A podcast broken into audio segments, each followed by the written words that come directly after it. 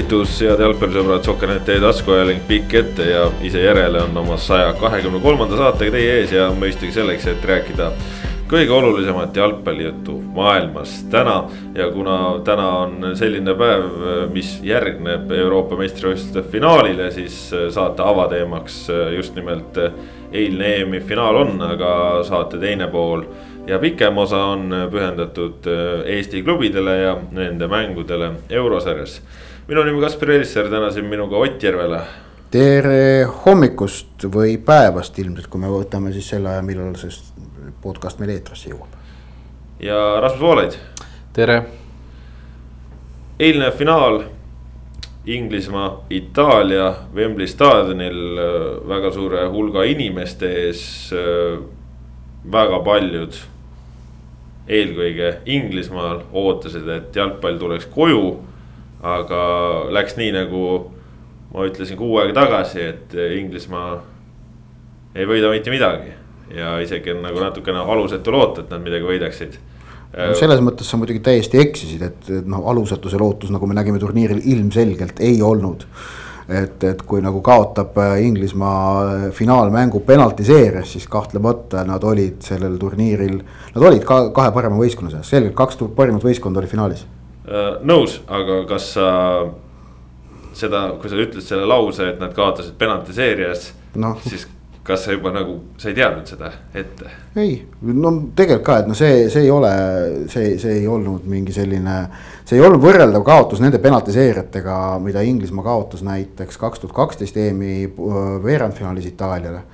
või, või ka siis äh, või ka siis äh, seal kahe tuhandendatel, kui nad Portugalile kaks järjestikust kaotust said äh, penaltitel. ehk et äh, mis ma nagu tooksin välja selle eilse penaltiseeria ja, ja võrdlus varasemate penaltiseerijatega. ja mida noh, tähendab esmalt tuleb alustada sellest, et eelmisel MM-il Inglismaa võitis penaltiseeria, mis oli siis noh, tegelikult ka, kus neil oli nagu vaja võita, et edasi pääseda, nad said sellega hakkama ja, ja noh, Kolumbiat toona, kusjuures toona niimoodi, et ise esimesena eksisid. ehk et kui me võtame neid Inglismaa, meenutame neid Inglismaa penaltiseeria kaotusi siis, siis minu meelest sageli oli see, oli, oli, olid need sellised äh, uisapäisa tegutsemise tõttu tulnud kaotused, enamasti olidki. ehk et mindi tegutsema, kukuti improviseerima, tagantjärele on alati välja tulnud, et tegelikult toona inglastel polnud korralikku plaani nendeks penalti, plaani nendeks penaltiseerijateks. ei olnud seda ei, ei Capellol ei olnud seda ka Ericssonil, Sven-Jüren Ericssonil, vaid, vaid mindi niimoodi, et noh lähme ja teeme ja noh, me oleme Inglismaa, on ju. Southgate, kui ta tuli, ta tegi koostöös selle jaoks plaani, ta võttis selle jaoks ju enne kaks tuhat kaheksateist MM-i täitsa nagu noh, ta, ta, ta tuvastas, et see on üks ohukoht. sellega tehti tööd äh, ja tehti tööd mitte nii nagu enne, vahetult enne turniiri, vaid tehti pikemalt tööd. ja noh, kaks tuhat kaheksateist MM-il oli sellest tööst ka kasu igatahes selge on see, et Inglismaa läks nagu penaltitele nii toona nagu selge plaaniga, läks ikka seekord plaaniga, lihtsalt seekord noh juhtus see, see plaan oli nagu. ei olnud piisavalt hea või vastaste plaan oli parem, et see plaan ei toiminud kahtlemata need vahetused, mis ta tõi nagu penaltilööjad kaks tükki väljakule, et. et noh, penaltilööjate vahetusi me oleme tegelikult maailmas näinud ka veel. Aga kui sa nad nii neetult hiljaks jätad, siis nagu noh, minu loogika ütleb, et need mehed lihtsalt on nagu liiga külmad äkki või. et nagu mingisuguse nagu mängutunnetuse pealt oleks vast lihtsam minna lööma, aga need tulid sada kakskümmend minutit alles sisse. Need kumbki saab just palligi puutuda põhimõtteliselt. nojah, jah, jah. esimene pallipuude on löök penalti penaltipunktil pallil oli pihta mm. -hmm. tundub nagu karm. ja no oli ju näha ka, et need olidki nii selged penaltivahetused, sellepärast et kui oli võimalik vahetust teha paar minutit varem, siis mm -hmm. seda ei tehtud. Rasmus äh.... noh, penaltid olid tagajärg, et ma arvan, et Inglismaa ei kaotanud seda mängu lõpuks nagu penaltite pärast, vaid, vaid see, et nad jäid ikkagi liiga ettevaatlikuks. Nad jäid ettevaatlikuks juba normaalaja, tähendab see, mis oli enne Itaalia üks-üks väravat, see tagasitõmbumine, see oli loogiline sellepärast, et inglastel oli täiesti põhjus oma kaitset usaldada, see kaitse oli olnud senisel turniiril noh, tohutult hea, turniiri parim. Eh, ja, ja loota, et nad eh, hoiavadki ära selle üks-nulli, noh, polnud üldse põhjendamatu tegelikult, et see oli nagu mõistlik. aga pärast seda üks-ühte reaktsiooni ja, ja plaani B-d ei, me ei näinud piisavalt head, et noh, et. et noh, Grealishi hiline sissevahetamine, see on nagu üks teema, aga, aga samas pigem see, et Grealish tuli hilja on üks asi, aga miks see Mason Mount nii kaua väljakul oli, tema nagu kasutegur minu meelest jäi, jäi täitsa olematuks. ehk et noh, et see oleks võinud, seda mängu oleks võinud elavdada ka muud moodi, kui ta ei tahtnud tingimata tuua Grealishit sisse Rasmus, kas äh, EM-i finaalis äh, on ka penaltilööjate, mitte siis äravõtjate vahetusest väljakule toomine, kas sellest saab üldse mingisugune edu variant sisse olla programmeeritud või, või see ongi nagu juba ette täiesti lootusetu üritus, kui sa toodki mehed, kes noh, null tunnetust, nad tulevad ülisuure närviga. sest noh, nendel on ainult kaotada ja mitte midagi võita oleks võib-olla võita, kui sul oleks tuua, ma ei tea, noh, oleks praegu mingi kolmekümne viie aastane Wayne Rooney olnud pingil, tood tema sisse. aga sa tõid ju sisse äh, napilt kakskümmend äh, vanuses mehed ehk äh, Rashford ja Sancho, kes teevad oma elu suurimat, suurimal hetkel. noh, väga-väga noored mehed ja viies lööja oli ka veel üheksateistaastane Saka nagu, et noh, kolm, kolm otsustavat penaltit ja keskmine vanus seal poistel umbes kakskümmend üks see on muidugi tõsi, Rashfordi kohta ma nägin kohe ka tähelepanekut, et unustage ära, et see, et see mees on noh, noor mängija, ta ei ole noor mängija. ta on vist kakskümmend kolm või neli. ta on kahekümne kolme aastane ja see vist oli tema viiekümnes koondise mäng. ei no seda küll, seda, sellega. noh, ta, ta, ta ei, noh, kui sul, kui sul viiskümmend koondise mängu, sa võid olla ükskõik noor, sa ei ole noor koondise mängija, sa oled okay. Rashford jah, aga eriti kuna Rashford eksis, siis läks ju Sancho. veel noorem Sancho, kellel oli täpselt sama saatus ees nagu mm. -hmm. ta tuli noh, kogenum mees siis Rashford eksis ja noorem mees läks tema tuules, kes oli noh, tuli ka koos temaga sissevahetusest, nii et see oli nagu. Sancho eksimus oli noh, juba nagu valmis kirjutatud pärast Rashfordi eksimust. ja no ma ütlesin siin enne omavahel ka, et, et penaltiseerija, eks, kui sa teed vahetust, kui sa tood sisse väravavahi siis seal on äh, selline olukord, kus väravaht, no ütleme, et kui ta ongi spetsialist, ta tunneb ennast enesekindlalt, ta teab, et temast ütleme, et noh, sõltub nii palju, et tema, tema saab ainult kangelaseks kerkida, et noh kui sa penaltiseeris penaltit ära võta, siis noh, nii on ja, ja mitte midagi ei juhtu, et sul on ainult võita. sa tuled enesekindlusega, mõtled, ma nüüd teen. aga kui sa oled lööja. sul on ainult kaotada ja, ja seda me eile nägime, sest sa tood noored, noored vennad, kellel noh, ongi mängutunnetust ei ole. Nad on marineerinud seal pingi peal, nad on marineerinud seal äh, vahetuspinkide äh, juures, kui nad ootasid seal küljejoone peal, et saaks äh, väljakule tulla.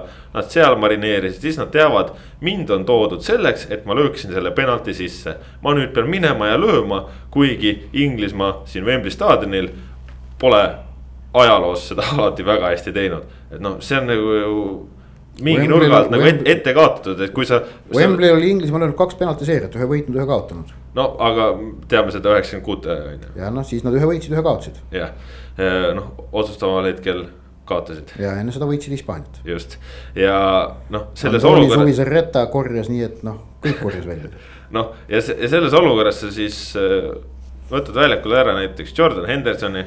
ma, ma sellega ma olen nõus ja, et no miks ei olnud lööjate seas Raheem Sterlingut kes, kes tegelikult on nagu noh, kes tegelikult me oleme näinud, naudib vastutuse võtmist et, et ta, ta, ta nagu selgelt noh, miks, miks, miks tema ei olnud lööja, miks Luke Shaw ei olnud lööja näiteks, kes on, kes oli ju standardite no,. Luke Shaw tundus väga närvis olevat neid penaltit vaadates, see võis äkki üks põhjus olla. seal vaadates oledki närvis, lüüa on vaja hoopis teine asi lõi suht enesekindlalt selles mängus no, alguses. penaltiseeria parima penalti lõi on ju noh.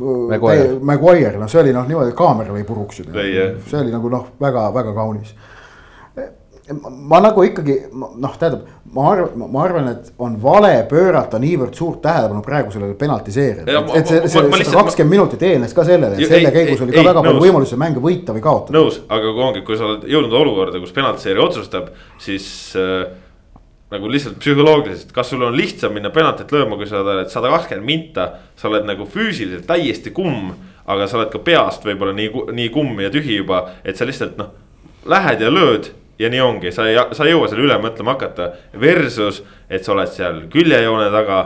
sa siis igal pool ootad ja siis sa lähed ja sa pead ja ma pean ja ma pean ja ma pean, noh. see on lihtsalt see psühholoogiline seis tundub nagu nii palju võrd halvem. ja noh, seda me nägime, on ju.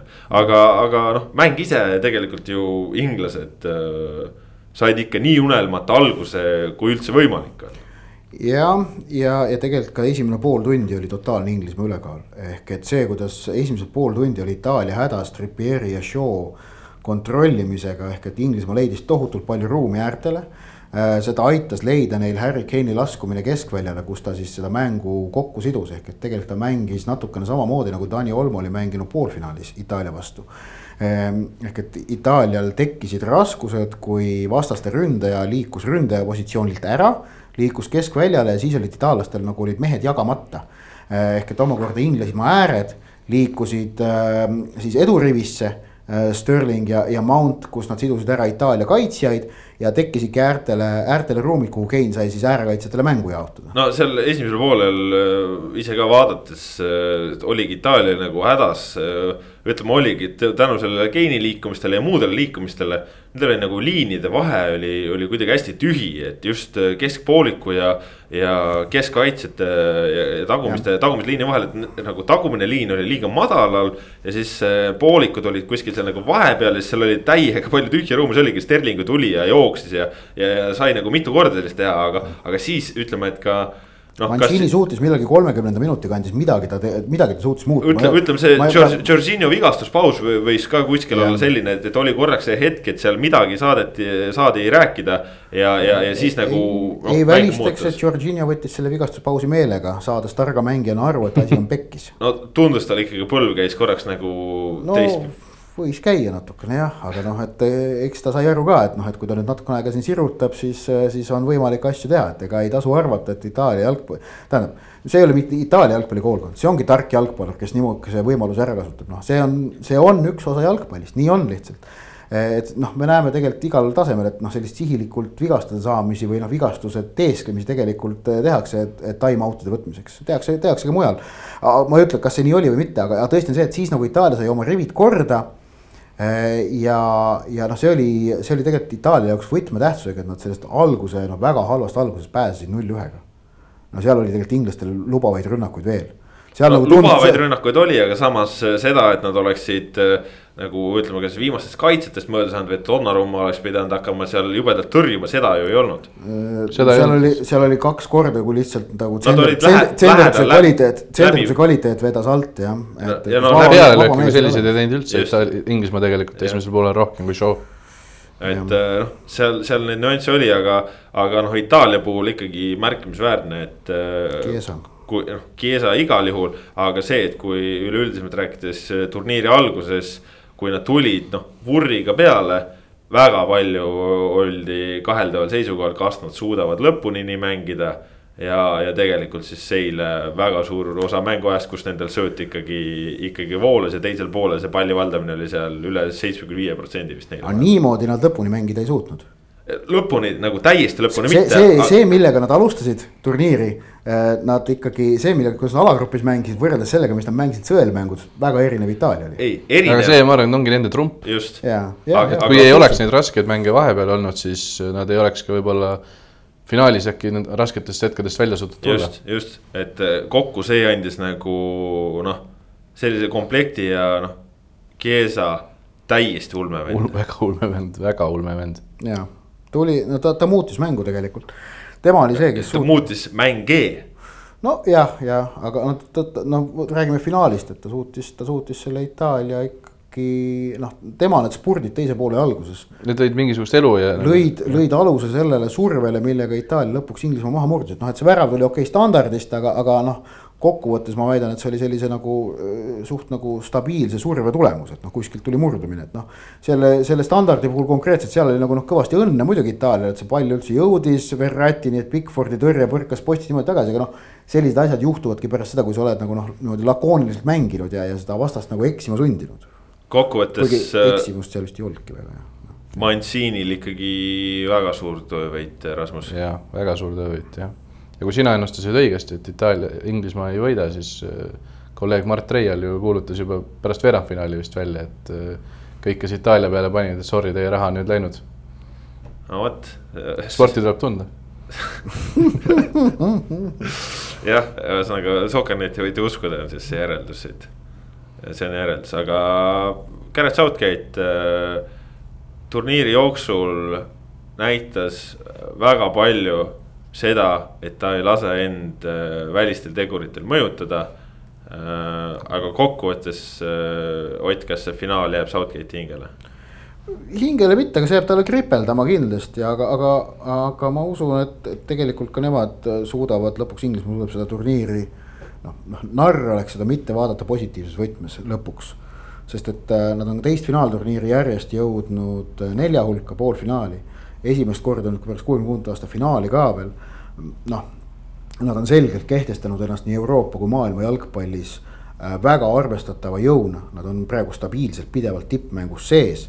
Äh, neil, neil on noh, tegelikult ka neil on ette näidata võidud, mille, mille taustal nad ei pea nagu kedagi kartma või pelgama. ja lisaks, mis on kõige tähtsam, on veel ka see, et noh, Inglismaal on, on neetult hea mängija materjal ja me rääkisime enne turniiri väga palju Prantsusmaa mängija materjalist, mis ilmselt tõesti on Euroopas hetkel ilmselt kõige parem aga ega Inglismaa oma äh, ei jää neile palju alla ja see inglaste mängija materjal küpseb et see sats läheb veel nagu pigem läheb paremaks. ta, ta, ta küpseb, aga noh, seal, seal ongi ju see vahe, et ütleme, see oli võib-olla ka selline tõestamise turniir, et. Äh, et kui me räägime Prantsusmaast, siis seal on nagu maailma absoluutsete tippklubide absoluutsed tippmängijad. aga mm. Inglismaa puhul me räägime siin Aston Villa mängijatest, me räägime Leeds Unitedi mängijatest. Et. Äh, jah, aga, aga noh, nad, nad, nad. ega nad kaua enam ei ole tõenäoliselt, mingi aga, läheb ära varsti, ma arvan. aga noh, praegu nad näitasid selgelt oma, et neis on see kvaliteet Just. olemas, nii võistkondlik kui ka individuaalne tegelikult, ka individuaalne kvaliteet oli olemas, noh, Calvin Phillips. no Phillips jah, näiteks noh, jah. noh, tegelikult noh, väga hea turniir temalt on ju ja need, kes on Premier League'i kirunud, siis kui nad vaatavad, kuidas Calvin Phillips, Declan Rice'i keskvälja tuua, niisugused Premier League'i keskmike mängijad mm. -hmm. nagu suutsid mängida, domineerida pool, poolkaitset äh, võistkonnas, mis jõudis finaali, siis see on ikkagi noh muljetavaldav. muljetavaldav jah. aga noh, see, see, see samas näitab, näitab ka võib-olla treeneri sellist, et, et ta suutis sellise kombo sinna keskele tekitada, et noh, Sven-Göran Erikssoni ajal no, mängisid ju Paul, Paul Scholes, Frank Lampard ja Steven Gerrard ja, ja nad noh, nimed absoluutsed tipud, aga nad ei mänginud. Erikson, kui oleks Erikson peatreener, oleks praegu Henderson olnud esimesena põhi, siis oleks hakatud mõtlema, kelle me ta sinna kõrvale paneme. Niimoodi oleks tegutsenud, tähendab Sven-Göran Erikson oleks tegutsenud niimoodi aga toona noh, ütleme kahe tuhandendate jalgpallis oli see ka rohkem kombeks ja see oli ka Inglismaa üldsus ka natukene eeldas seda. tegelikult eeldati ka praegu Hendersoni, aga, aga noh, Southgate no, eel, otsustavalt keeldus sellest. eeldati ka Seiden Chanchet igale poole, eeldati ja. ka. Grealishit igale poole. Grealishit ja Phil Fodenit igale poole. Foden oligi, kuni ta vigastatud oli. jah, jah et äh, selles mõttes noh, neid eeldusi oli palju, aga Southgate sellele vastu noh sai, aga kokkuvõttes jalgpall jah, koju ei tulnud, läks hoopis Rooma. ja, ja no selles mõttes itaallaste üle noh, meeskondlikkuse võit äh,, Mancini triumf ja väga hea meel vanameeste üle, et äh....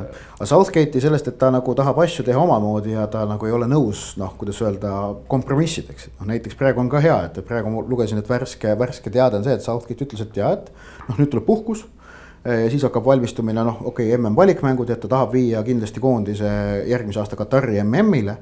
aga noh, kui Inglismaa jalgpalliliit siin juba enne Saksamaa mängu ütles talle, et nad tahavad Southgate'iga lepingut pikendada vist kahe tuhande kahekümne kuuenda aasta MM-ini või kahekümne neljanda aasta EM-ini, emba-kumba. siis Southgate ütles selle kohta, et ei, et praegu ma küll midagi sellist noh, et, et, et ta ei tõtta mida en, en, ennast nagu pühendama mingisse asja noh, mille ta, mida, mida ta ei ole, mida ta ei ole praegu veel läbi mõelnud Äh, ja, ja et ta ei taha kuskil jääda kauemaks, kui on mõistlik. ehk et hetkel ta, ta noh, ta oleks väga lihtne praegu öelda, jah, muidugi on ju noh. lööme käed, allkirjad kõik tehtud, ei, ta ei tee seda. ta teeb asju omamoodi ja, ja noh, see on ka selline hea näide tegelikult. ja jälle tohutu erinevus kõikide nende varasemate Inglismaa peatreeneritega. et noh, Sam Allardyce oleks öelnud muidugi kurat, kahe tuhande kolmekümnendani. Erikson oleks öelnud, et jaa, kas palk tõuseb, jah, siis muidugi, härrad lahked, muidugi ma kirjutan teile alla. ja, ja, ja nõnda edasi ja nõnda edasi. et aga, aga see oli tõesti noh, noh, Southgate on valinud teistsuguse tee selle, selle ameti pidamiseks. aga väga sellise siire ja, ja, ja, ja, ja võib-olla ka läbipaistva. just, just, just, just ja siin on nüüd huvitav veel, et äh, ma vaatan kohe Twitteris tegelikult huvitav nüanss, ma loen selle ette. et Roy Keane on, on, on, kes oli ITV siis äh, britid näitasid kaks telekanalit, BBC ja ITV seda. et ITV stuudios oli Roy Keane, kes oli, on siis kritiseerinud Sterlingut ja Grealishit, et, et ei tohi seal niimoodi istuda ja oodata, kui, kui noor kutt läheb enne teid penaltit lööma. mille peale Jack Grealish on kirjutanud Twitteris vastu.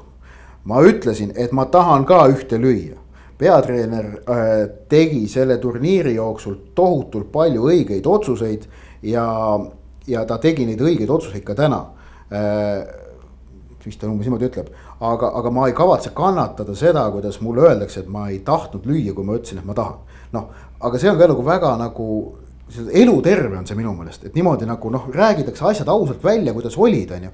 ja lõpuks ongi see, et noh, kindlasti neid, kes tahtsid seda penaltit lüüa, ilmselt muidugi oli seal nagu rohkem, aga lõpuks peatreener peab ka valima, kes löövad. ja vaata, siin ongi jälle ka kaks koolkonda, ka üks koolkond on see, et peatreener ütleb, sina lööd, sina lööd, sina lööd. ja teine valik on see, et mängijad ise, kes teist tahab ja, ja, ja niipidi siis moodustub see järjekord, et kaks no. erinevat teed on no,. aga noh, näha oli, et Southgate äh, oli juba seal varem paberiga platsis no,. otsused olid tehtud ennem jah Äh, kokkuvõttes EM, kuu aega jalgpallipidu, kaheksa lisaaega, neli penaltiseeriat, äh, Rasmus.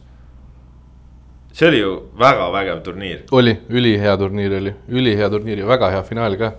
eile mängu ajal mõtlesingi, et kas ma olen EM-i finaali nagu oma silmaga nii head näinud, et see minu esimene, mida ma kindlasti mäletan, oli kaks tuhat neli, ma kahe tuhandes ei ole kindel pärast selle aja jooksul ma arvan, et see oli kõige, kõige ägedam finaal. kaks tuhat tegelikult kahe, kahe tuhande kaheksanda aasta finaal oli ka äge, see Saksamaa, Hispaania, kus. see oli ka äge jah. see oli, see oli hea finaal, sest see oli, see oli väga pingeline finaal. seal oli ikka tõsiselt selline noh, elekter oli õhus, et seal oli kaks suurt vastamisi, vaata kaks tuhat kuusteist Portugal oli ikkagi see väljakutsuja rollis. aga kaks tuhat kaheksa ei olnud väljakutsujat, nagu ka eile ei olnud väljakutsujat tegelikult, et sul oli kahe nagu noh, tipu clash kaks tuhat neli finaal Portugal-Kreeka, see on muidugi midagi, kus see nagu õieti on ju aga see oli nagu tõesti, tõesti oli. no ja kaks tuhat muidugi noh, Prantsusmaa, Itaalia kõik noh, see no,. see oli ka suur mäng jah. selle, selle finaali draamale muidugi sa vastu ei saa. Silver Victor lõi, lõi üle minutitel viigi ja siis. ja, ja, ja, aga ma seda ei näinud vist kahjuks või ei mäleta hästi, aga, aga noh. kõigis mängudes oli kogu aeg selline mingisugune, kas persooni keskne või, või nagu mäng moodustas mingisuguse ägeda niisuguse jutuliini või noh, et kogu aeg oli põnevad mängud, ei olnud siukse, üldse ei olnud siukseid mänge, mida nagu enne mõtled juba, et ei viitsi vaadata ja, ja pärast mõtled, et hea, et ei vaadanud ka nagu vaatasimegi üheksakümmend viis protsenti mänge ära ja nagu kahjult läbi sai. no pigem oli jah, isegi selliseid mänge, et mõtlesin, et kas seda on mõtet vaadata ja siis vaatasid ära. seda oli väga mõtet vaadata, et üllatusi oli ikkagi erakordselt palju. See, et surmagrupp kokkuvõttes noh, totaalselt hävis see, kuidas viimasel alagrupi turniiri päeval mitmed satsid kindlustasid omale edasipääsu ja hiljem jõudsid siin veerand ja poolfinaalidesse välja kogu see draama Taani koondise, kuidas see kõik algas selle Erikseniga. kuidas see lõppes äh, niivõrd traagilise penaltiga äh,. Aga seda alles poolfinaalis on ju neid, neid üllatusi, neid tagasitulekuid, lisaminutite väravaid, lisaaegadele minekuid, noh, see oli ikkagi uskumatult fantastiline turniir ja, ja, ja see näitab seda kui ühtlaseks on tõusnud Euroopas äh, jalgpalli tase. see on see, mis me Kanguriga eile stuudios rääkisime ka. kas, kas play, sõelmängudes oli vist ju viisteist mängu ehk siis ja kaheksa oli lisaajal, ehk siis Just. üle kui enam kui pooled sõelmängud läksid lisaajale. ja, ja, ja mitte ükski, oota, kas oli null-null viike ka veel lisaaeg äh, sõelmängudes, ei olnud ju mm? -hmm. ei olnud vist mitte. alagrupi turniiril oli paar tükki. Hispaania, Rootsi oli kindlasti null-null jah, aga. üks oli veel äkki, aga, aga ei no ei jah äh,, otsustavas faasis null-null viik ei olnud nagu sellist riikimisi ei olnud, vaata. ja kõikides mängudes isegi tähendab, kui, kui nagu noh, lõpuks on ju rauges penaltiseeria suunas see asi ära, mis noh, vahel, vahel on, et no võistkonnad ei taha niivõrd palju riskida. aga sellist nagu triikimist mitte kuskil ei olnud, et kõikides mängudes prooviti mängida, sest kõik võistkonnad usaldavad oma võimet mängida palliga. ka Põhja-Makedoonia, tegelikult no,. Nemad, usa, nemad usaldasid väga oma võimet mängida palliga, nad ju selle peale oma mängu üles ehitasid, et naudime noh. ja aga, aga noh, nad tulid D-divisjonist, rahvuste liiga D-divisjonist, noh Euroopa pingereast tegelikult kuskil neljakümnenda koha kandis no,. sealt, kust Eesti. tulid, no nad on natuke paremad kui ja. Eesti ikka, tulid ja mängisid ja, ja mängisid hästi ja mängisid täiesti normaalset jalgpalli. ja noh, see on nagu selle Euroopa jalgpalli kvaliteedi näitaja no.. vaatasin järgi, ei olnudki ühtegi null-nulli jah, seal mängudes ainult Inglismaa, Šotimaa veel peale Rootsi, Hispaania. jah, ja mõlemad need null-nulli kaotused olid väga huvitavad tegelikult, ma, ma nagu kummagi osas ei. head mängud olid jah aga me ei saa mitte ühegi mängu kohta öelda, et ju jama, et noh, et. no väravaid oli ju palju.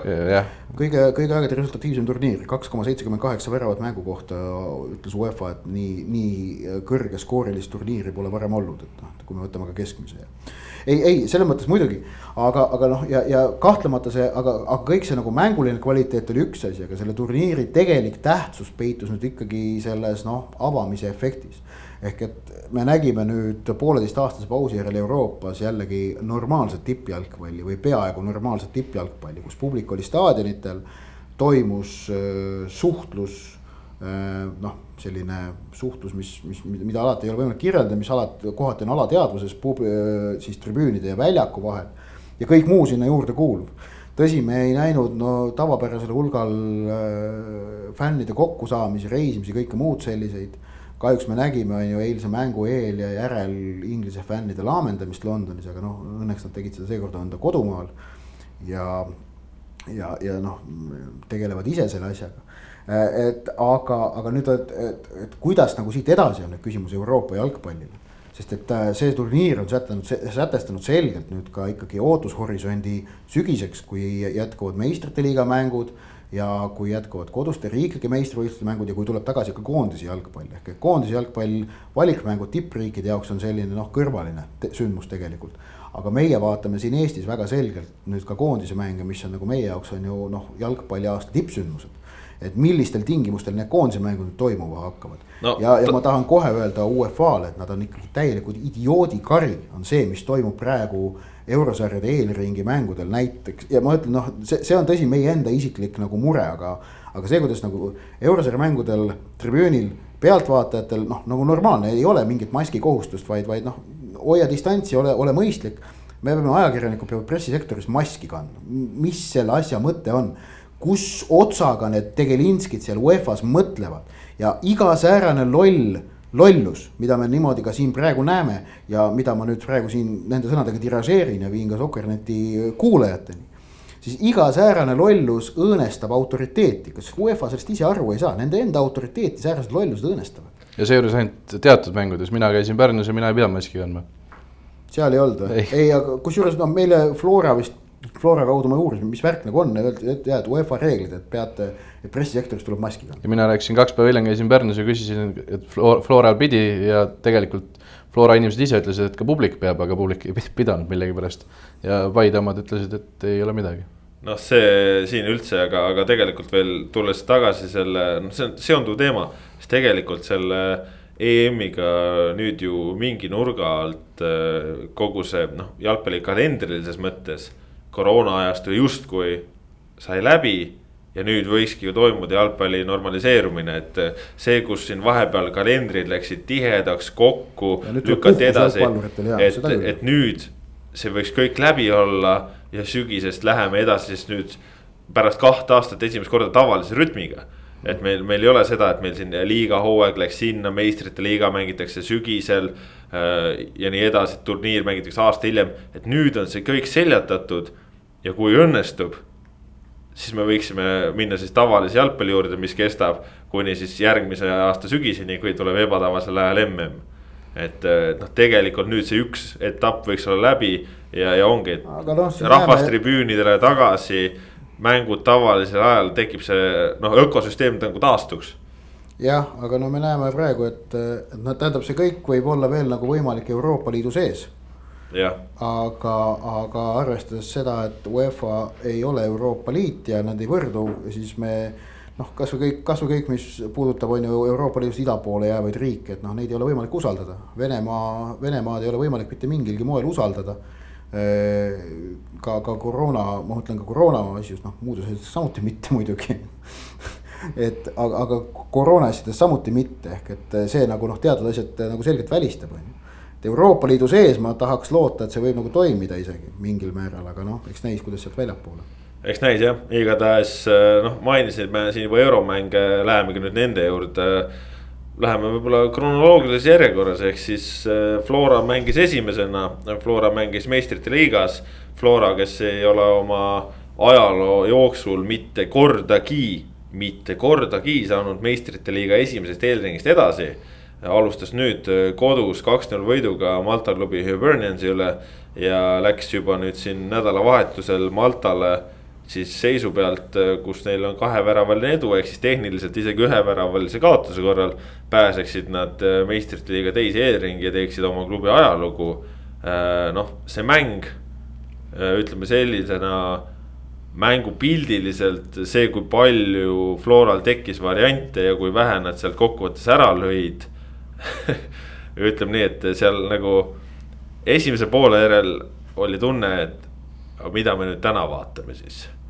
teise poole järel, kui see lõpuks esimene tuli, äh, eelnevalt oli Hibernians vähemusse jäänud ja siis äh, lõpuks ka veel see teine tuli, siis kokkuvõttes oli see tunne, et tublid, tegite ära minu meelest Flora mängis küpselt. mängiski küpselt, et, et see oli nüüd see küpsus, mida on eelmise kahe eurohooaja jooksul on, on saadud. ehk et kahtlemata Flora kolm hooaega tagasi oleks selle mängu ära munanud, no mitte kahtlemata, aga suure tõenäosusega oleks ära munanud. noh, kas see oleks siis null-null viik olnud või, või mis iganes muu, aga noh, pigem oleks ära munanud. Aga nende kahe eelmise eduka eurohooajaga saavutatud enesekindlus oli see, mis lubas neil mitte närvi minna ja nad ei läinud kordagi närvi. isegi kui asjad ei tulnud välja ja pall keskväljalt ei liikunud piisavalt äh, edukalt äh, ründavasse poolkaitsesse või edurivisse sealt tagasi välja, ehk et noh. jäi nagu Flora mäng staatiliseks, nad ei läinud kordagi närvi, tegid metoodiliselt oma asja edasi usaldasid oma kvaliteeti ja Rauno Sappineni näol me lõpus seda kvaliteeti ka nägime, see oli Eesti parima jalgpalluri kvaliteet ja Rauno Sappinen äh, noh, ründajana küll ka Jürgen Henn pärast mängu talt küsis, et kuidas, kuidas see Rauno Sappinega on, et ikka jube hea meel peab vist olema, kui sihuke vend äh, on olemas ja Henn ütles ka, et temaga on rõõm ja pisarad käsikäes. mina ei saanud sellest aru, mis pisarate osa on temaga? tema juures. no see ongi see, et, et sa, sa mõtled ja vaatad, et nagu ta, ta on seal väljakul, aga ta saab kuskil liiga madalal, saab seda palli ja. ja ei paista võib-olla niimoodi silma. minu meelest aga... mängis Sappinen hästi tegelikult läbi terve mängu, mitte ainult lõpus, kui ta need väravad lõi, vaid noh, kui, kui tema palli sai, siis ta pani asjad juhtuma. just äh, ta tegi seda, aga ta sai seda palli liiga madalal ja see, see oligi probleem, et, et Sappinini kaudu ju värav ees.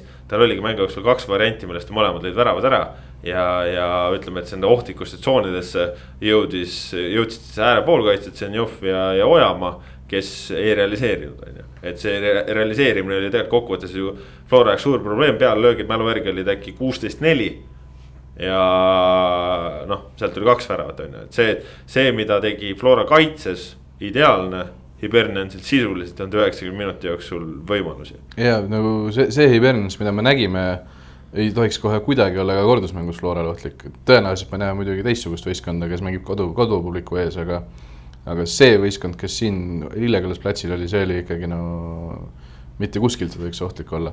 mulle meeldis Flora juures ka see, et kui nad lõid esimese ära, nad tahtsid ikkagi nagu seda puhvrit sisse saada ja see, et nad läksid teise järele ja nagu no, panid lõpuni vingelt. ja ka kolmanda järele. Läksid ka kolmanda järele just, Ojamaal oli väga hea võimalus lõpus veel et noh, see oli nagu äge, et nad, äh, võib-olla see oli ka see, et ei pidanud kartma, et võõrsil värav tuleb vastu, et see ei ole enam nii ohtlik. ja no võib-olla ka see eilne mäng andis enesekindlust, sest tõesti noh, tegelikult ju ongi, et kui sa teed mängu jooksul kuusteist pealelööki, siis noh. ei ole ründemängu osas nagu väga palju ette heita, aga, aga samas noh, asju jäeti ka löömata, et see on, see on võib-olla see, see miinuspool. noh, samas Flora omas kohtumisele kontrolli ja, ja see tõesti loob, ma arvan, kordusmänguks väga head eeldused. ja, ja noh, kui siis saadakse edasi, siis.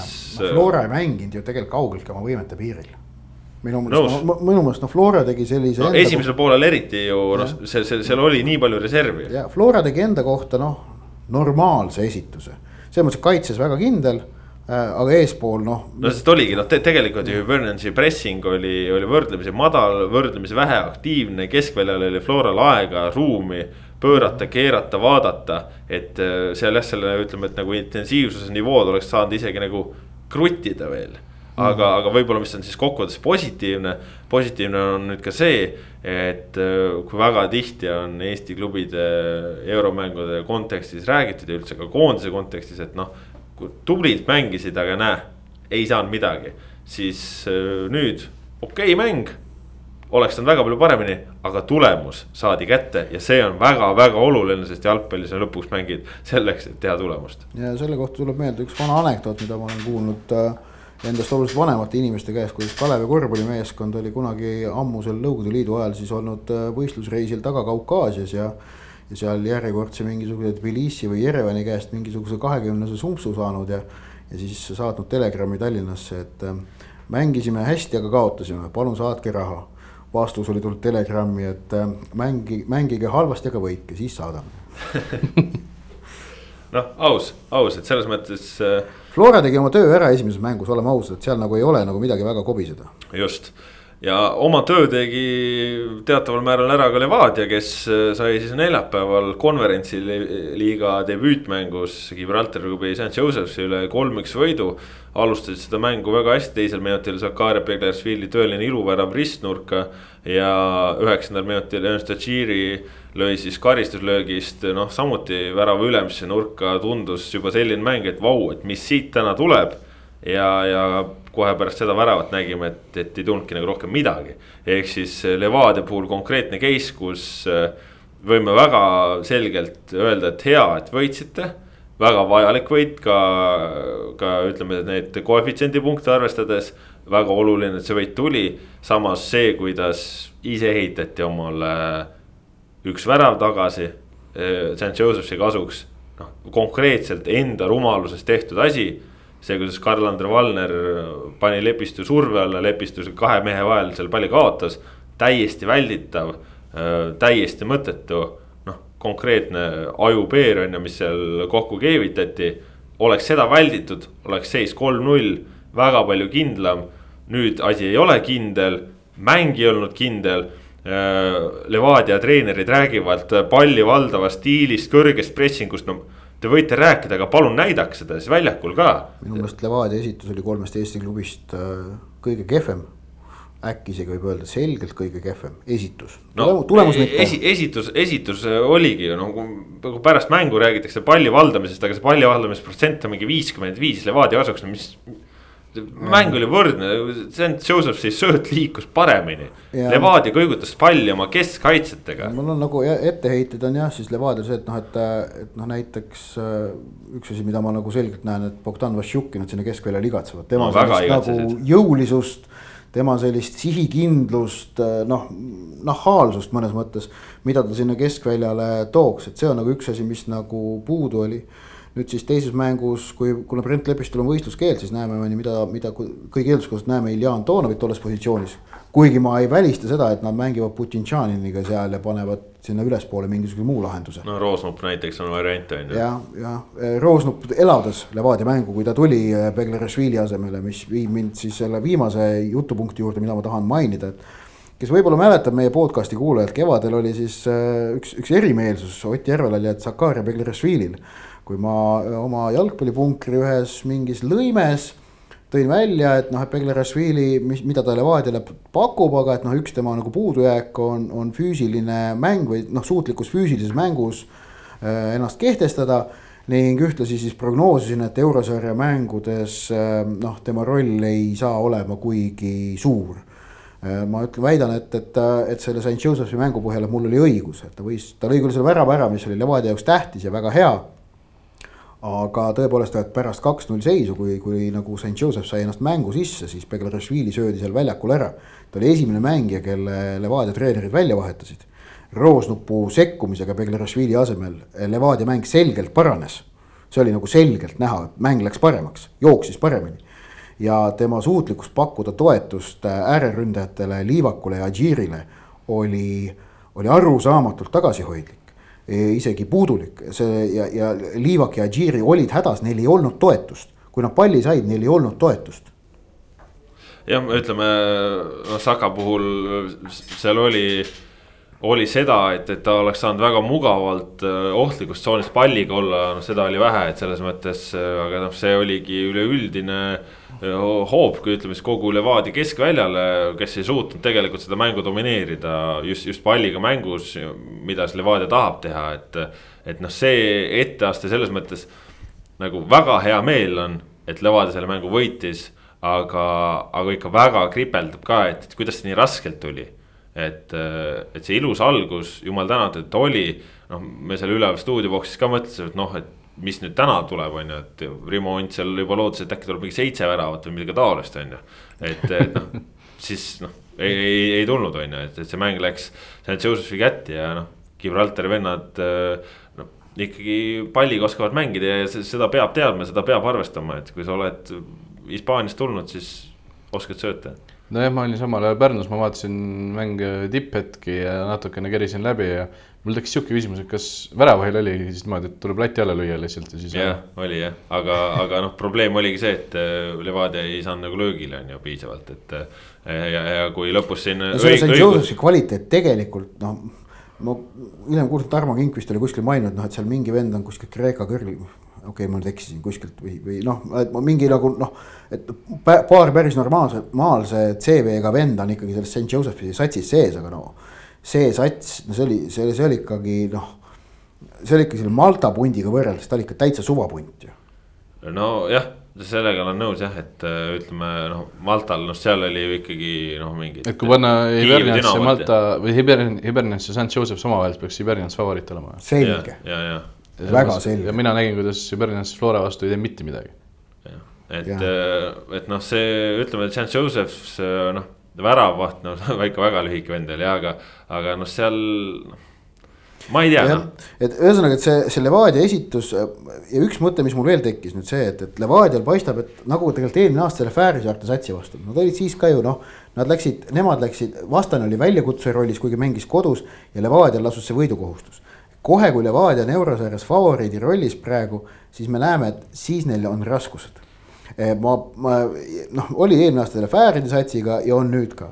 et, et ma, ma tahaks loota, et kui nad nüüd sellest St Joseph'ist ikkagi mööda saavad ja noh, ma usun, et nad tegelikult ikkagi saavad, et noh, siin on küll mingid ohumärgid ja ohukohad, aga ma arvan, et nad lähevad läbi sellest paarist.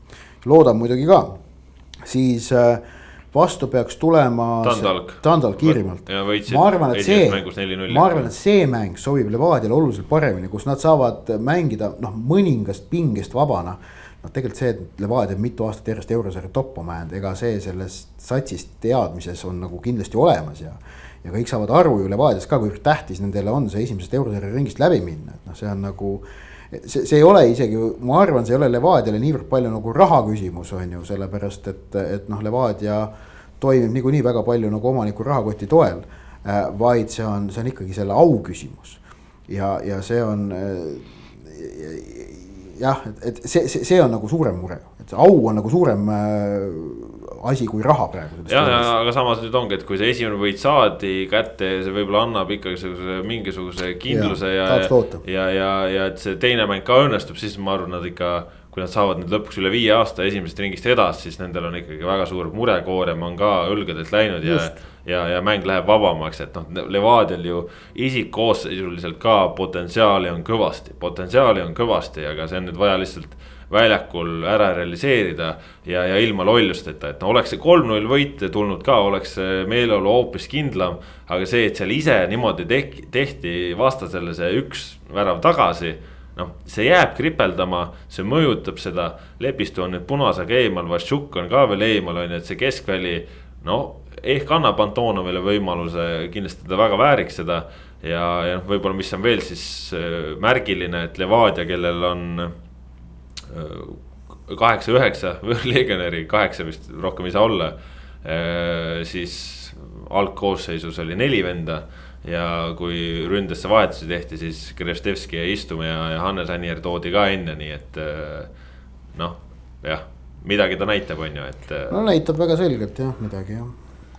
aga noh, soovime Levadiale edu sinna võõrsile, nemad siis ka ju sarnaselt Florale mängivad kunstmuru peal.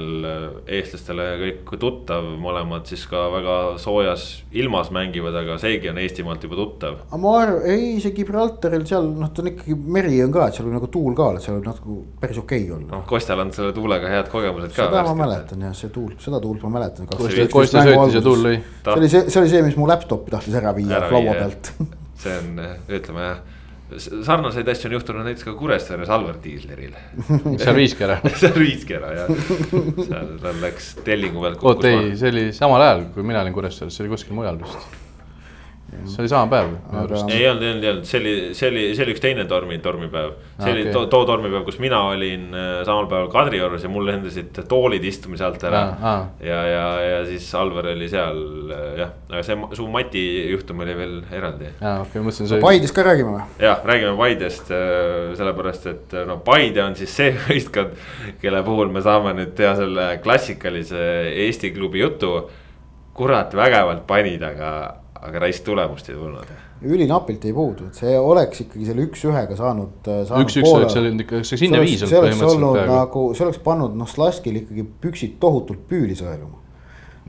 Poola satsid teavad, nad vaata, vaata, seis on see, et Poola satsid on ennemgi Eesti klubide vastu kas komistanud või olnud selle lähedal. mul on tunne, et nad natukene, neil on mingisugune noh, ütleks või?. jah, et noh, loogika ei ütleks. mäletavad, sellepetavaliselt, et pressikonverentsil, mängueelsel pressikonverentsil ka küsiti, Poola ajakirjanikud küsisid Poola treeneri käest, et eh, noh, et kuidas teha niimoodi, et. et tavaliselt või sageli läheb Poola klubidel euro, eurosarjas nõrgemate vastastega halvasti, kuidas teha nii, et seekord ei läheks. ehk nad olid valmis selleks. ja, ja noh, et, et et jah, et see, see sellest nagu jah, sellest kaks-üks väravast on neetult kahju ja no mine tea, mis oleks olnud, kui Klaavanil oleks olnud veel jaksu see lõpuni mängida, kas see kaitse oleks olnud veidikene rohkem korras. Et noh, Kondar Razak, kaitskaitsepaar, no ei ole, noh ei ole eurosarja tase, oleme ausad. Klaavan, Konda vist ma saan aru, oli, oli oli, oli, oli, oli täitsa tase. jah, Klaavanit oli äge vaadata ikka, ta oli noh. ta ei olnud küll nagu oli, oli see aru saada, ta ei ole füüsiliselt kaugeltki sada prossa, aga ta oli siiski nagu kuidagi see olek ja kogu see noh. oli näha, et kui, kui sa tood suvalise venna vaatama, et üks vend seal kaitseliinis on nagu kõrge, kõrge tasemega. Kõrgema tasemega kui selgelt kui teised, siis ma arvan, et saadakse aru, et see on Klaavan. no ma, ma ise olin ka siin Levadia mängul on ju ja siin mängu algust äh, Paide oma ei näinud ja seal pärast proovisin midagi vaadata. aga, aga nii palju, kui ma koha pealt muljeid kuulsin, siis oligi olnud ikkagi väljakul siis kolm taset, et oli Paide meeskond. Slaski meeskond ja Ragnar Klavan. Jah. ja, ja Klaavan siis kõige kõrgema tasemega, et, et see oli ikkagi ka selle viie või kuue trenni pealt, mis ta on pärast puhkust teinud, oli näha et see mees seal on seeria kvaliteet, täielik tipptase. Ja, ja ta oli, ma saan aru, siis nii õhuvõitluses kui ka vaheltõigetega mängu lugemisega ikkagi väga palju, väga õigeid valikuid teinud. ja, ja, ja dia- dia- diagonaalid olid ka ikka no, noh, Klaavani diagonaalid, need on ikka nagu omaette vaadata kohe nagu äge. Läksid mõned veits pikaks, aga no kui tulid välja, siis kurat, kõvad asjad ikka. räägi natukene sellest melust, mis seal äh, Pärnus siis kohapeal oli, ma saan aru, et äh, ütleme, et sellist nagu tõelist ja, ja väga head äh, õhustikku oli seal tribüünil olnud. jah, see oli, no ma ei käinud kahjuks Frankfurdi Eintrachti oma mängul vaat-, mängu vaatamas ja minu jaoks oli see kõige parem selline Eesti klubi elamus võib-olla isegi, kus, kus ma olen olnud. eriti kuna pressisektor oli noh, keset tribüüni, mitte ei olnud noh, eemal veits või kuskilt külje pealt või vastalt, vastast. ehk siis ma olin nagu ise pidin seal sees olema ja see oli noh, nagu üheksa minti kütet ikkagi Eesti klubi poolt ja siis veel otsa pealt tulid need poolakad vastu ka natuke. ja, ja mänguliselt siis ka, okei okay,, Slask oli, ma saan aru, palliga mängus parem ja nii edasi, aga, aga tegelikult ju Paide ei olnud üldse ka olukorras, kus nad oleksid üheksakümmend minutit istunud ja kannatanud, vaid mängiti jalgpalli. Paide mängis jalgpalli, ehitati oma mänguplaan selgelt üles kontrarünnakutele ja ja seal Slaski liini taga oli ruumi küll, et need jooksud tulid kahjuks enamasti tulid külgede pealt ehk nagu ei olnud kordagi seda, et sa lähed konkreetselt saad jooksuma värava peale ehk nagu üks-ühele ei pääsenud kordagi, aga aga selliseid noh, selliseid poolohtlikke kontravõimalusi tekkis ikka no viis, kuus, seitse võib-olla isegi. ja et, et Paidel noh, kui kordusmängu ajal otsida, noh, noh seis muidugi keeruline, sa pead võõrsil võitma, on ju, et, et, et ja ühe väravaga, et viia penaltiteni mäng ja kahe väravaga, et edasi pääseda, aga. aga kui nüüd otsida nagu asjaolusid, mis nagu Paidele mingi lootuse ikkagi annavad selles väga keerulises olukorras, siis äh, ikkagi noh, nende kogenud tegijate kvaliteet, et. Henri Anier, Siim Luts, ma mõtlen ründefaasi tegijaid, et Henri Anier, Siim Luts, et need on mehed, kes nagu noh, on näinud ja on teinud keda, keda, keda, jah, keda säärane olukord ei pea nagu kohutama ja ei kohutagi, et noh, Henri Anier läks ja. Läks ja lõi võõrsil meil siin kevadel lõi, lõi, lõi Tšehhile, lõi. Valgevenele ja noh, nõnda edasi on ju. et, et, et see nagu, see nagu ongi noh. sellele saab nagu Paide toetuda, aga muidugi noh, kaitses peab ülikõva partii tuleb teha, aga seal muud ei, muud ei ole. aga noh, samas äh, noh, me olemegi täna ikkagi olukorras, kus me näeme, et need kogemused, mis on Paidele juurde toodud. annavad ikkagi väga palju kindlust, ehk siis Mihkel Aksalu tagavärav sul mm. -hmm. ta lisab, ütleb ka vaimset kindlust kogu liinile. Klaavani tulek, nüüd on veel täiesti teine ooper seal, lisab, lisab väga palju juurde. ooper, ooperist tuleb ka rääkida. jah, ooperist jõuame ka rääkida. äkki võtad ooperi ka veel ette. aga, aga, aga ongi see, kui me mõtleme, et kui palju nüüd tänasel selles Paides on ikkagi mängijaid, kes on olnud rahvusvahelisel tasemel, kes on seal hakkama saanud, siis noh, tegelikult Paide ei pea ennast üldse halvasti tundma ja, ja ma usun, et pärast seda eelmise aasta leedukatega mängu, mis noh, oli ikkagi no väga halb, on ju. et eh, siis nüüd pärast seda teha selline mäng, ma arvan, see võttis ka väga palju vaimset pingeid ja see andis tegelikult usku juurde. ja, ja siin noh, me ikkagi saame ka veel see, et see Klaavanist tuleb täiendav eneseusk, ehk siis nagu Paidel on põhjuseid tunda ennast vabalt pingevabalt ja, ja minna ikkagi Poola korraliku eneseusuga jah, nagu kindlasti ei saa, tule minna Poola teadmisega, et nagu läinud on. vaid tuleb minna mängima Poola edasipääsu peale, sada protsenti. ja noh, arvestades, et äh, ka ründepotentsiaali jäi ju tegelikult kasutamata, et seal teibis tuli seal üheksakümmend ja, ja Piht ka, kes siin noh. Pole ilmselt ka veel eluvormis, aga, aga vähemalt öö, äh, no ilmselt ma arvan, et äh, koosseisu osas ütleme loogika muudatusi ei tehta. ma arvan sama. ehk et minnakse jätkuvalt sellise noh, sellise jah, et teebis on see käik ja sa võtad pingilt lihtsalt seekord sa võtad selle käigu ilmselt varem. noh, kui mänguseis nagu lubab ja annab mõtet selle. näed, kui sul on vaja ikkagi noh, ütleme, et praegu oli ju seis, oli soodne. see, et sa mängid äärtel Turri ja Lutsuga mitte teibisega, noh, see on selgelt siiski noh, kaitsvav käik on ju noh, et, et aga noh, see on ka loogiline ma arvan, et sellepärast Teibis ei tulnud varem lihtsalt jah, et kuna üks-üks, üks-üks oli pikalt jah ja. ja.. Teibis tuli kohe, kui ei olnud enam üks-üks. just, just ja noh, ongi, me teame, et järgmises mängus noh, nad peavad võitma, on ju, seal teist valikut ei ole ja sa pead selle muudatuse tegema, aga. aga Jussif äh, kaitsepoolik, muljed? Äh, töötas, minu arust töötas nagu ei jäänud küll selle taha midagi, et ta alustas veits rabedalt aga, aga ta nagu sai, mängis selle koha ilusti välja, ta oli noh, sihukene kehtestas ennast küll seal. ja, ja noh, tegelikult äh, kui me teame, et väga hea põrkega äh, noh, väga julge jalaga mängus äh, kiired sammud, siis noh, tegelikult see koht võiks talle ju väga hästi sobida. et selles mõttes ütleme, et Slava Zavoikolt väga julge ja äge käik, et, et ta seda avastas sinna ja tegi ikkagi hooaja kõige tähtsamas mängus paneb mehe mängima täiesti uut positsiooni. tal see tal oli, et noh, oli natuke aru saada, et see positsioon on võõras, et kui kaitsepoolik peaks nagu kogu aeg pakkuma neid sööduliine ja asju endale, siis tal oli väga sageli oli see, et kui kui nagu eeldaks, et kaitsepoolik nagu läheb kasvõi sörgiga nagu vabasse ruumi, siis ta nagu kõndis väljaku peal hästi palju. et seda oli nagu noh, natukene nagu naljakas vaadata, aga nagu noh, ega ta nagu ansamblist välja ei langenud küll kuidagi. ja no loogika ütleb seda jah, et, et võib-olla kui sa oled keskkaitse, kaitsva poolkaitse rollis, siis kaitsvas faasis äh, ütleme palli võitmise hetkeni see on kõik okei okay,, sa tunned ennast mugavalt, sa võidad, sa sealt saad selle esimese söödu tehtud. aga siis sealt edasi, kui on äh, pall sinu võistkonna käes, vot siis ilmselt jah, see positsioonivalik, äh, ka see. Äh, noh, harjumatu olukord, kus sa tead, et vastane võib tulla sinult iga nurga pealt kolmsada kuuskümmend mm. kraadi, sul on oht kõikjal. et keskkaitses sul on sada kaheksakümmend kraadi, on ju. et, et see ilmselt on asi, mis on tema jaoks uudne, aga, aga saame näha, igatahes Paide siis jah, ütleme väga-väga lubav etteaste äh, kokkuvõttes ma saan aru, et ka ikkagi heade emotsioonidega, et, et ka need, kes seal Pärnus mängu vaatasid, olgu et kaotus, siis see.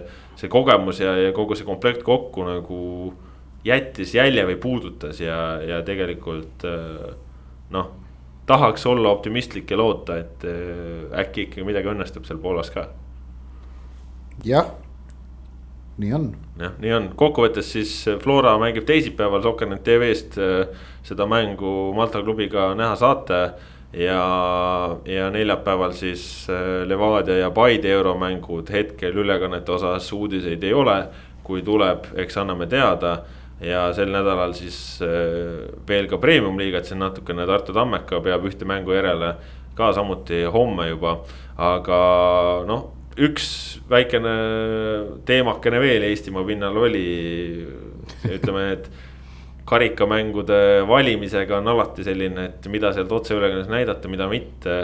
sai seekord selline valik, et oli esiliiga B-klubi Viimsi ja, ja premium-liiga klubi Pärnu Vapruse mäng ja läks põnevaks, läks lisaajale ja lisaajal Viimsi kolm-üks võit, kaks-üks värava lõi Andres Ooper, Eesti koondise läbi aegade suurim väravakütt, neljakümne kolme aastane, tuleb, jooksis liini pealt maha ja lahendas üks-üks olukorra nii külma kõhuga, et äh, seal said aru, et pole vahet, mis on su vorm sa oled elu jooksul nii palju väravaid löönud, sa ei mõtle selle üle nagu mingi noor ründaja, et ma nüüd lähen panen puraka, ma teen ta-ta-ta-ta, ma teen seda, ma teen toda. sa oled lihtsalt Andres Ooper selle värava ees, sa tead, nii, väravaht on siin, seal on vaba, ma lükkan palli sinna, nüüd on tehtud ja või noh, vaata, kui, kui Marko Krista tuli siin ju kümneaastase pausi järel ka tagasi väljakule, et ta hakkas mängima nüüd ja siis ta, mis oli maikuus vist, vaata rääkisin temaga sellest, siis ta ütles ka, et. et jah, et keha ei äh, et mõistus töötab ja kõik, keha ei jõua küll alati järele, aga ütles, et mõistus töötab endiselt ja siis, mis ta veel ütles, et noh, et, et äh, ja et see on ikkagi päris nauditav, ütlevad esimesed mängud on selle jalgpalli kogemine uuesti mängija positsioonilt. see on nagu nauditav, kuidas kõik need meie endised koondised tegelikult noh, mitte kõik, aga paljud on ikkagi meie selles liigasüsteemis endale kuskil mingisuguse koha leidnud ja seal toimetavad ja kahtlemata soovitan käia, noh, võtta endale mingisugune aeg ja otsida ja minna vaadata seda, et see on nagu. Ehm, sest et vaata, seal on see, et need ei ole show mängud, see on see oluline vahe. et noh, ehm, telekast näeb ka mingeid show mänge, kus mingi legendid teevad ja mingit nagu, seal ja. tehakse nalja aga nendes mängudes see tase võib olla küll noh, kohati nagu naljakas, aga nalja seal ei tehta. Need on võistlusmängud, seal mängitakse selle peale, kes täna õhtul tappa saab ja kes joob võiduõlut on ju noh jah, võiduõlut juuaksegi, et äh, ma siin, meil oli stuudios oli, oli Rimo Hunt ja siis. Äh, kuule, mul jumala geniaalne plaan, keegi võiks nagu mingi mikropruulija võiks endale nagu teha õllemargi, võiduõlu ma ei ole kuulnud sellist asja oleks kuskil. vot see võiks minu popiks. võiks olla kaotusõlu ka siis juba nagu. noh, jah, igaks juhuks jah. aga, aga rääkisin Hundiga ka, küsisin ka just Kristjani kohta, et noh, ikkagi juba teenekas eas jalgpallur ja nii ja naa ja, ja Hunt ütles väga lihtsalt, et kuule, ta on ju treener ta on iga päev puudutab palle, ta iga päev trennis lükkab neid sööte kuskile värki. ta on iga päev puudutab palli, no ei ole võimalik, et su puude halb oleks, no su puude on tipp-topp. noh, Eesti parim on ju ja, ja siis, sa lähedki okei okay,, et noh, võib-olla see jooksuvorm ei ole nii hea aga see pallitunnetus, pallipuude ja see, kuidas sa väljakut näed, see läheb ju ainult paremaks ajaga mm -hmm.. ehk siis noh, seal ütleme nii, et see, see, see vanem töötab kolm,. kolmandas liigas laseb selliseid neljakümne mm. meetriseid diagonaale ühest, ühest teisest, tüüp mõtleb, kurat. Tarmo Kingile jooksu peale ütleme nii, et tasub Eesti madalamaid liigasid vaadata ja tasub ka karikavõistlusi vaadata, sest Rasmusse kogemus oli ikkagi. ülihea kogemus oli, ma olin nagu noh. alguses mõtlesin, et miks mina pean tegema seda no, mängu. tunnistan küll jah kartsin, et sealt tuleb mingisugune sihuke null kolm, kus kahekümne kahe minutiga on kaks ära löödud ja siis teisel poolel tuleb üks juurde või midagi sihukest, aga. aga Pärnu vaprusest ka noh, ikka piinlik, jube piinlik. eriti see, et oleks siis ooper kuskil õige koha peal seisnud, aga ta jooksis ära ju kaitsjad pärast seda tõmbas endal kubemega ära vist ja hakkas seda seal masseerima ja venitama igatpidi, aga no. ja lisaajal, mis võiks olla ju Premium-liiga klubi trump, kui on vastas kaheksateist aastased, kaheksateist aastased poisid ja. ja neljakümne aastased mehed. neljakümne aastased mehed, siis see lisaaeg kuulus ju Viimsile täielikult. seal, seal, seal tõesti ei olnud vapruse nagu varianti ka. ei olnud, see oli ikka piinlik ja, ja noh, see piinlik, ütleme Eesti jalgpalli kasuks nagu liiga palju ei räägi. mul endal isiklikult on hea meel lihtsalt, et nüüd ei ole siis FC Hiiumaa tänavustel karikavõistlustel ainus meeskond, kes on endast kaks liiga tasemet eh, madalamale võistkonnale kaotanud ja edasipääsu sinna minetanud ja. Elva ei jäänud ka kaugele. jah, elu, elu oleks. kelle käest te laksu kätte saite siis? Eh, Olympic Olivet, neljanda liiga klubi. mäng toimus Aruküla väljakul, mis on viiskümmend viis meetrit lai ja üheksakümmend meetrit pikk, ehk siis väga kitsas. ära hakka nüüd vabandust otsima, väljak, väljak on mõlemale võistkonnale võrdne. ei oligi, oligi oskuslikult, noh, me ütleme, et jah, ei hästi mängitud, meie mängisime väga halvasti, kohutav mäng, kohutav no mäng, no hullem kui. no aga see, et hiidlased jalgpalli ei oska mängida, ega see ju kedagi ei üllata väga noh. jah, nii on küll jah, tegelikult ega siin noh ega meil siin kõrgliigaski näited, no Andrei Frolov, Robert Kirss. ja, aga noh, nad ei ole, vaata, nad mängivad ikkagi noh, normaalsetes klubides, mitte nagu Hiiumaa meeskondades, vaata, seal on see häda, et noh. meil on ainult logo on ilus vähemalt no vot, see on nagu noh, aga. oota, aga see ongi Pärnu Vapraga sarnane, me olime, mõlemad olime finaalis ja jalkajaloos. vaata, igaühel on oma tugevused, noh, Hiiumaal on logo, on ju noh. Pärnu Vaprustel ka logo Vaprustel ka logo, Viimsil on ooper jah, Levadial on Kirss, Paidel on Frolov, Hiiumaal on logo, seniidil on Kristal jah. noh, jalgpall maailmas on lihtne, väga nauditav kuu aega suurturniiri oli. Meie nüüd naudime edasi kodumaist jalgpalli. kuulge, me ei maininud seda sõnagagi, aga noh, see, kuidas Lionel Messi juhtis Argentiina koondise Copa Ameerika võidule, et see ka nagu noh meeletu respekt. jah, aplaus. sest et see- need, vaata, see on ka, et need.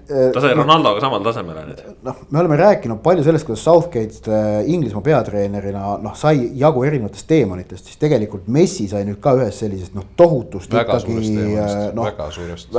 väga suurest teemonist jagu, et see, et ta polnud suutnud koondisega midagi võita, see oli tema jaoks, ma usun, see oli selgelt tema jaoks suur probleem, seda näitas see emotsioon kohe ka pärast lõpuvilet langes murule, raius ja läks kaks sekundit, kui nagu kogu Argentiina sats, mitte kogu veel, aga esimesed meeskonnakaaslased kahe sekundi pärast olid Messit just nimelt embamas.